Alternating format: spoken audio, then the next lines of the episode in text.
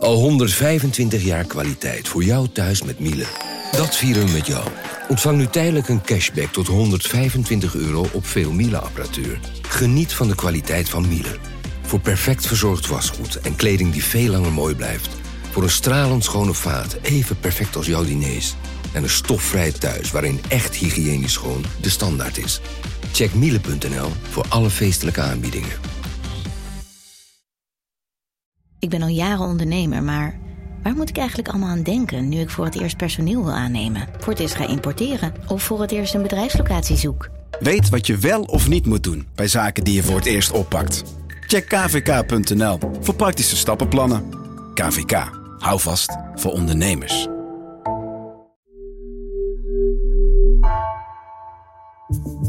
Vanaf de redactie van NRC het verhaal van vandaag. Mijn naam is Egbert Kalsen.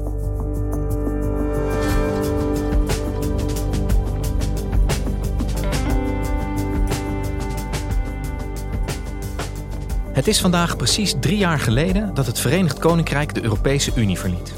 Toenmalig premier Boris Johnson deed de Britten grote beloftes. Het VK wachtte een mooiere toekomst buiten dan binnen de Unie. Correspondent Annemarie Kas zocht uit wat is er van dit hoopvolle toekomstperspectief terechtgekomen.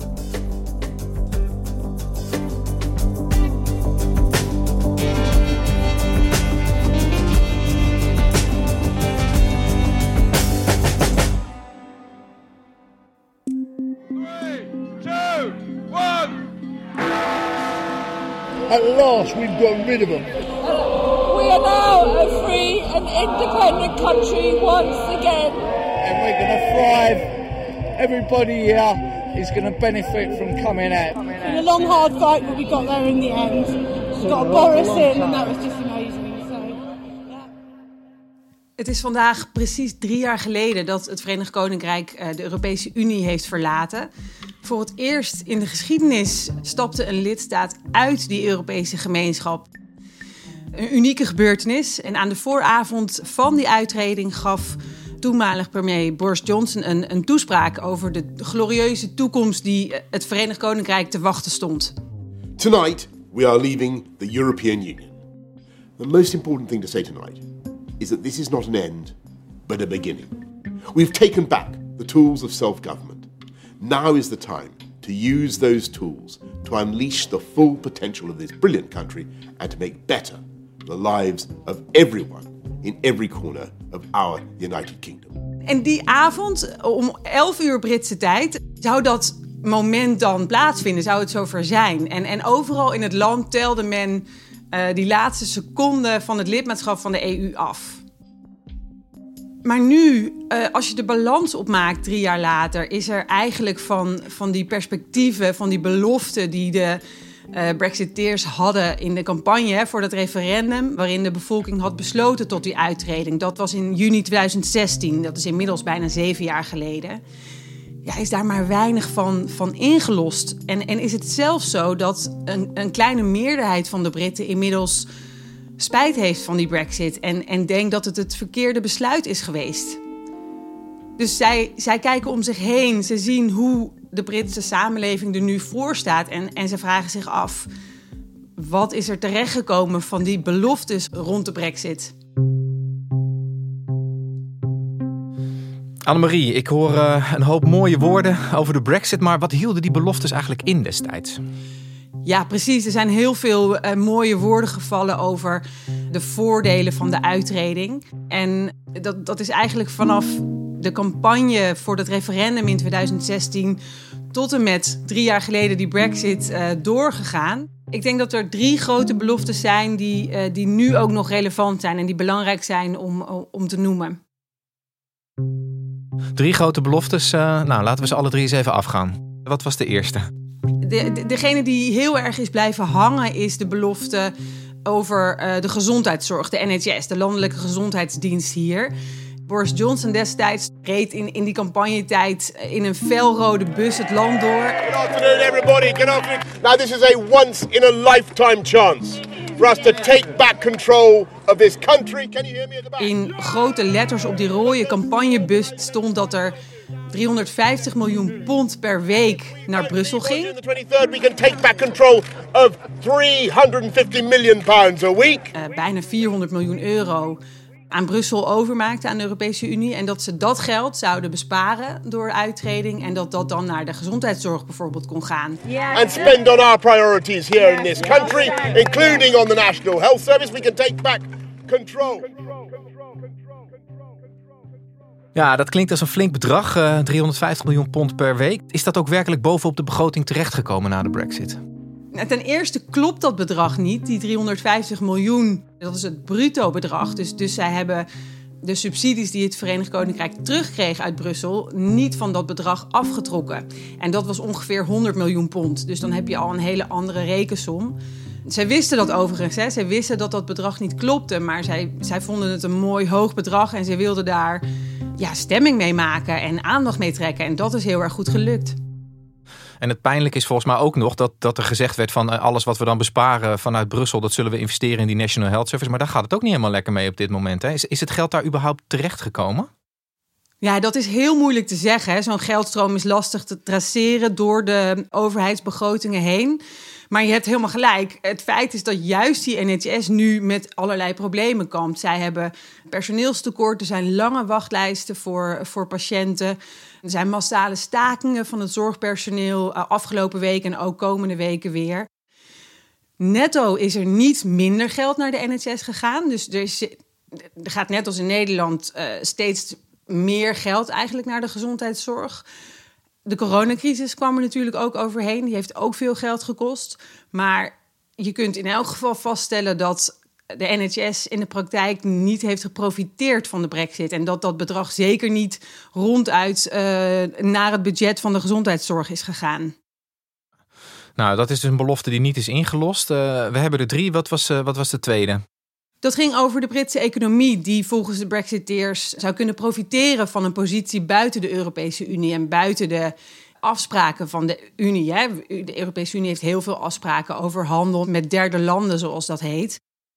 En het Verenigd Koninkrijk zou buiten die Unie zijn eigen handelsverdragen kunnen vormgeven. Dus bijvoorbeeld met de Verenigde Staten, Australië, Nieuw-Zeeland. En die verdragen zouden de Britse bedrijven ja, extra handel, winst op gaan leveren, waardoor het VK weer zou floreren buiten de EU. If we vote to leave, we can take control of our trade negotiations and seal those deals more quickly. And if we burst out of the shackles of Brussels, we would be able to begin immediately with those long neglected free trade opportunities. Maybe some point down the line. Ja, dus ze konden op eigen voorwaarden handelsdeals sluiten met al die andere landen. Zijn die er ook gekomen, die handelsverdragen? Deels wel, deels wel. Um, in juni 2021 presenteerde Liz Truss, zij was toen minister van Handel, uh, in een video met, met uh, hele spannende muziek dat zij inderdaad afspraken had weten te maken met, met Australië. We have a deal. We've secured a 14 billion pound free trade agreement with Australia. This shows what we can do as an independent trading nation, having our own trade policy, uh, reaching out, outward facing around the world. And it shows what the Conservative government is doing to build our economy, to grow jobs and build back better. Later dat jaar in de herfst uh, maakten ze vergelijkbare afspraken met Nieuw-Zeeland. Alleen met de Verenigde Staten is het nog niet gelukt om een handelsakkoord af te sluiten. En dat is wel veelzeggend, want de VS zijn veel relevanter voor de Britse economie dan Australië of Nieuw-Zeeland. Er wordt veel meer handel gedreven tussen het VK en de VS. Na de Europese Unie zijn de Verenigde Staten de grootste handelspartner van het VK. In september 2021 uh, had Johnson wel een ontmoeting met president Biden. Maar ja, toen werd wel duidelijk dat, dat afspraken er voorlopig niet in zitten.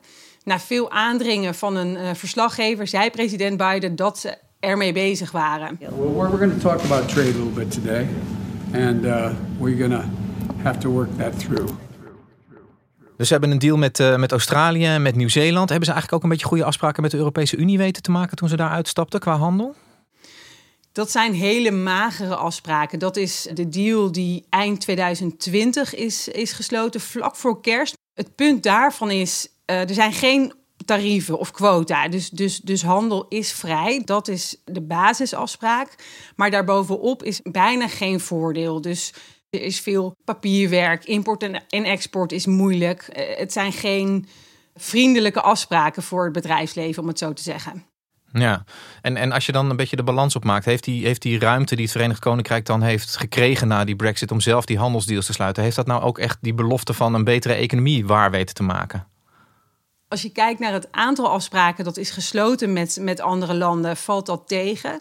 Ook als je kijkt naar die afspraken met, met Australië en Nieuw-Zeeland. Ja, als je het welwillend bekijkt, kun je zeggen: het is misschien nog wat vroeg om, om daar conclusies over te trekken.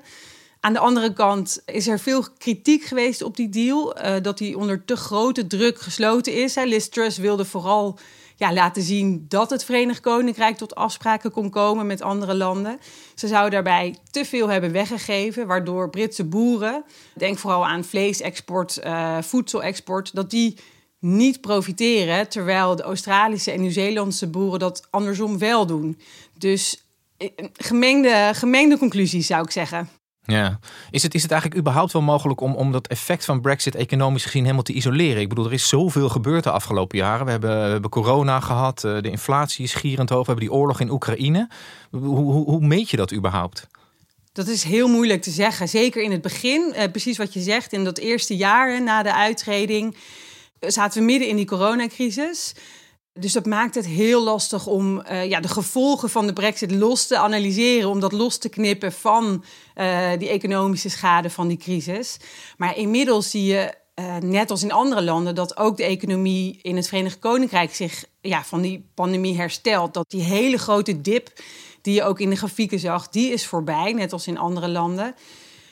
Dus je kunt nu vaststellen dat de economische groei in het Verenigd Koninkrijk achterblijft ten opzichte van vergelijkbare economieën.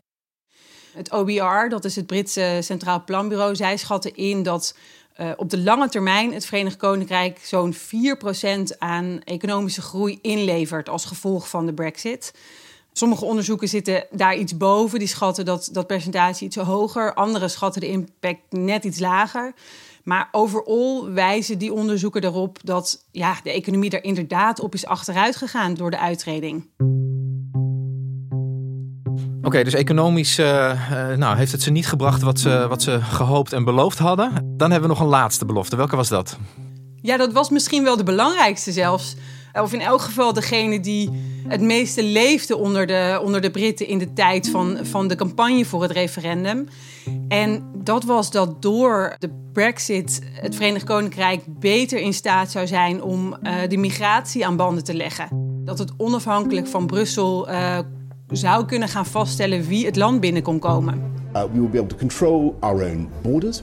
The truth is, we can't properly control immigration unless we leave the EU. We will once again have a, an, an, enormously greater control over our borders. You have an Australian style. Ja. ja, ik durf het bijna niet te vragen, maar is deze belofte dan wel waargemaakt? Ik durf het ook bijna niet te zeggen, maar nee. De, de afgelopen jaren, zeker afgelopen jaar 2022, zie je dat de immigratie niet is afgenomen, maar is toegenomen. Ik moet wel zeggen, de, de immigratie uit de Europese Unie is afgenomen. Dus in die zin heeft de Brexit wel effect gehad. Maar netto zijn er meer mensen naar het VK gekomen dan dat er zijn weggegaan. Ik moet wel ook zeggen, ook hier, het, het, was vorig jaar een bijzonder jaar. Een deel van die stijging komt door vluchtelingen uit Oekraïne, Hongkong, waar, waar China steeds repressiever is gaan optreden. En waar het, uh, het VK heel ruimhartig asielregels voor heeft opgesteld. Maar dan nog uh, zie je dat ongeveer een kwart van de stijging van de immigratie bestaat uit mensen die hier op een werkvisum zijn gekomen. Dus je ziet daar wel degelijk ook een effect van de Brexit. Dat de arbeiders die nodig zijn hier om banen te doen waar Britten eigenlijk niet op zitten te wachten, hè, vaak laaggeschoold werk, seizoensarbeid, typisch werk dat anders waarschijnlijk door Oost-Europeanen was, uh, was gedaan dat die bedrijven de gaten vullen met, met, met arbeiders uit niet-EU-landen. Hey, en Annemarie, is er dan helemaal niks overgebleven zeg maar, van de voordelen die de Britten hoopten te krijgen als ze uit die Europese Unie zouden treden, van die Brexit? Ja, praktisch valt dat Dus misschien tegen inderdaad. Alleen er staat wel een heel belangrijk uh, symbolisch voordeel, zou ik bijna zeggen, tegenover. En dat is dat het VK weer opereert als zelfstandige, soevereine macht op het wereldtoneel. Eh, vorig jaar zag je meteen na de inval in Oekraïne dat uh, Johnson het voortouw nam. Uh, zij waren een van de eerste landen die wapens stuurden naar Oekraïne om tegen Rusland zich te kunnen verdedigen. En dat hebben heel veel van die liefstemmers ja, met goedkeuring bekeken. Ook in de coronacrisis, ander voorbeeld. Kun je herinneren dat het VK veel eerder was met vaccineren. Dus dat hier de, de economie en de samenleving weer eerder open kon dan in de Europese Unie. Omdat zij de vaccins zelf konden regelen in plaats van uh, de inkoop gezamenlijk uh, moesten regelen, zoals de EU dat, dat had georganiseerd. Maar goed, al met al, de, de grote beloftes uh, die gemaakt zijn in de campagne, ja, die zijn niet uitgekomen. Ze hebben hun, hun, soevereiniteit dus terug, maar ja, misschien wel een beetje tegen een hoge prijs zou je kunnen zeggen. Hoe, hoe wordt daar nou op gereageerd door mensen in het Verenigd Koninkrijk? Nou, daar, daar wordt natuurlijk allerlei onderzoek naar gedaan. En peilingbureau YouGov, een bekend peilingbureau hier, deed onderzoek. En daaruit bleek dat 56% nu denkt dat het misschien beter was geweest om in de EU te blijven. Het was altijd al verdeeld. Hè? De samenleving eh, was nooit in hele grote meerderheid voor die Brexit. In, uh, in 2016 stemde 48% ook voor blijven. Dus die verdeeldheid die is altijd aanwezig geweest in de samenleving. Maar je ziet steeds meer mensen ja, de kant op hellen van... Hmm, hadden we dit besluit wel moeten nemen. En is dan het niet inlossen van die beloftes ook de reden... dat zoveel mensen nu spijt hebben van die brexit? Deels wel. Deels, deels is natuurlijk als de werkelijkheid zich, uh, zich anders voltrekt dan jij had gehoopt en dan, dan jou was beloofd, is dat, is dat een reden voor teleurstelling. Tegelijk is een andere beweging eigenlijk uh, belangrijker. En dat is de verjonging van het electoraat hier. De ouderen waren in 2016 overwegend voor de Brexit. En ja, heel langzaam, maar zeker overlijdt natuurlijk het oudere deel van de bevolking. En zijn er nu, bijna zeven jaar na het referendum, weer jongeren bijgekomen die. Eh, zij zien hoe verweven de wereld is en, en erkennen het belang van, van internationale samenwerking veel meer dan dan de oudere generatie hier. En, en inmiddels is dus iets meer dan de helft zeg maar ontevreden over de brexit. Is, is er iets van die kentering bij de burgers ook terug te zien in de politiek inmiddels? Dat gaat vrij langzaam. Zeker bij de conservatieve partij, die natuurlijk die hele, dat hele proces heeft vormgegeven. Zij hebben zich na 2016, na dat referendum, aan dat Brexit-project gecommitteerd. En om je dan uit het frame eigenlijk te wurmen dat die Brexit het beste was wat het land kon overkomen. Ja, dat, dat is politiek een hele lastige. Daar hebben zij het heel moeilijk mee. Um, politici van de Conservatieve Partij kunnen eigenlijk niet toegeven dat er nadelen blijken te zitten aan die Brexit. Als je naar de oppositie kijkt, uh, grootste oppositiepartij Labour heeft nu een weg gevonden, heeft een boodschap gevonden. Zij waren ook voor blijven. Zij wilden ook niet dat, uh, dat het VK zou vertrekken. En nu zeggen ze: laten we proberen om een, een vriendelijker, een constructievere houding uh, met de EU te bewerkstelligen. Dus make Brexit work, zegt, zegt Keir Starmer um, steeds, uh, de leider van de, van de Labour-partij. Um, that we are not going back um, to the EU, and that means not going back into the single market or the customs union. But we have to make Brexit work. The deal this government has got us is not working well.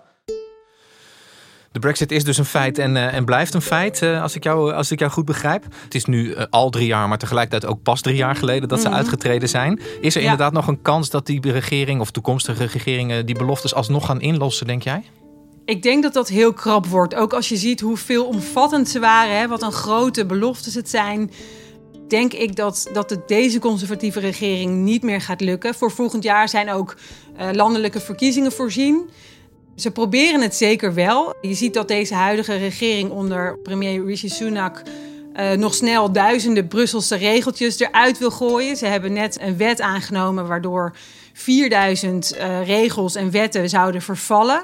Dus ze proberen echt nog wel te leveren op dat Brexit-dossier.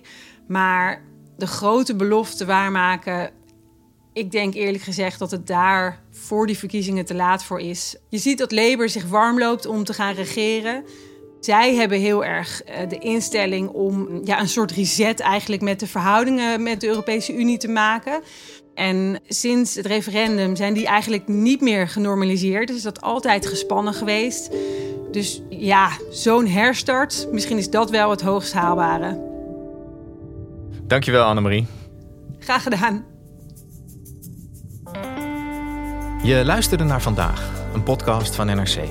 Eén verhaal, elke dag. Deze aflevering werd gemaakt door Ruben Pest, Nina van Hattem, Lis Doutsenberg en Jeppe van Kesteren. Coördinatie Henk Ruigrok van de Werven. Dit was vandaag. Morgen weer.